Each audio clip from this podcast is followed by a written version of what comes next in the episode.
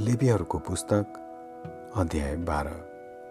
परमप्रभुले मुसालाई भन्नुभयो इजरायलीहरूलाई भन् गर्भवती भएर छोरो जन्माउने स्त्री सात दिनसम्म अशुद्ध रहनेछ रजसोलाको दिनमा झैँ त्यो अशुद्धै रहनेछ।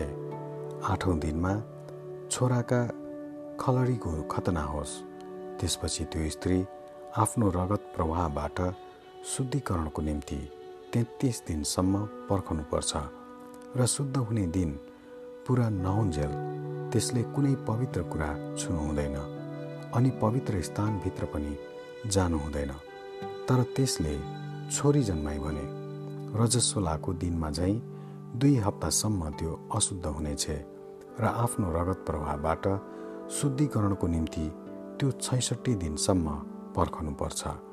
त्यसका शुद्ध हुने दिन पुरा भएपछि छोराको निम्ति होस् वा छोरीको निम्ति होस् त्यसले होम बलिको लागि एउटा एक वर्षे थुमा र पाप बलिको लागि परेवाको एउटा बचेरो वा एउटा ढुकुर भेट हुने पालको ढोकामा पुजारी कहाँ ल्याओस्? पुजारीले परमप्रभुको सामुन्ने ती चढाएर त्यसको निम्ति प्राश्चित गर्नेछन् अनि त्यो आफ्नो रगत प्रभावबाट शुद्ध ठहरिनेछ।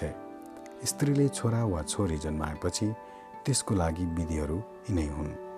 थुमा ल्याउने त्यसको औकात छैन भने त्यसले दुईवटा ढुकुर अथवा परेवाका दुईवटा बचेरा एउटा होम बलिको निम्ति र अर्को पाप बलिको निम्ति ल्याओस्।